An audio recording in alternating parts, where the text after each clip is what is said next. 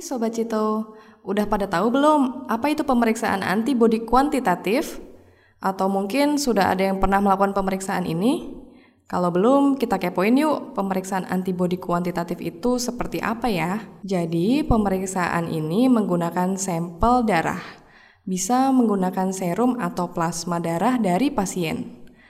Tes antibodi kuantitatif ini dilakukan untuk mengukur jumlah antibodi IgG dari SARS-CoV-2.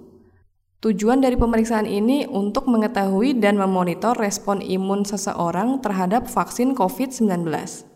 Selain itu, pemeriksaan ini juga bisa digunakan untuk menentukan apakah tingkat antibodi seseorang bisa untuk melakukan donor plasma kepada pasien COVID-19 yang membutuhkan. Terus, kapan ya kira-kira kita bisa melakukan tes antibodi kuantitatif?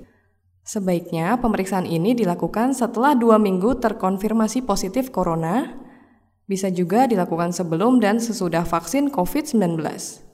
Dan juga bisa dilakukan ketika akan melakukan donor plasma. Untuk Sobat Cito yang ingin melakukan pemeriksaan antibodi kuantitatif, bisa melakukan pemeriksaan di lab Cito cabang terdekat.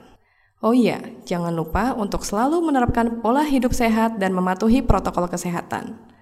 Saya Dr. Masayu Prakasita dari Lab Klinik Cito. Kamu sedang dengerin podcast Cito.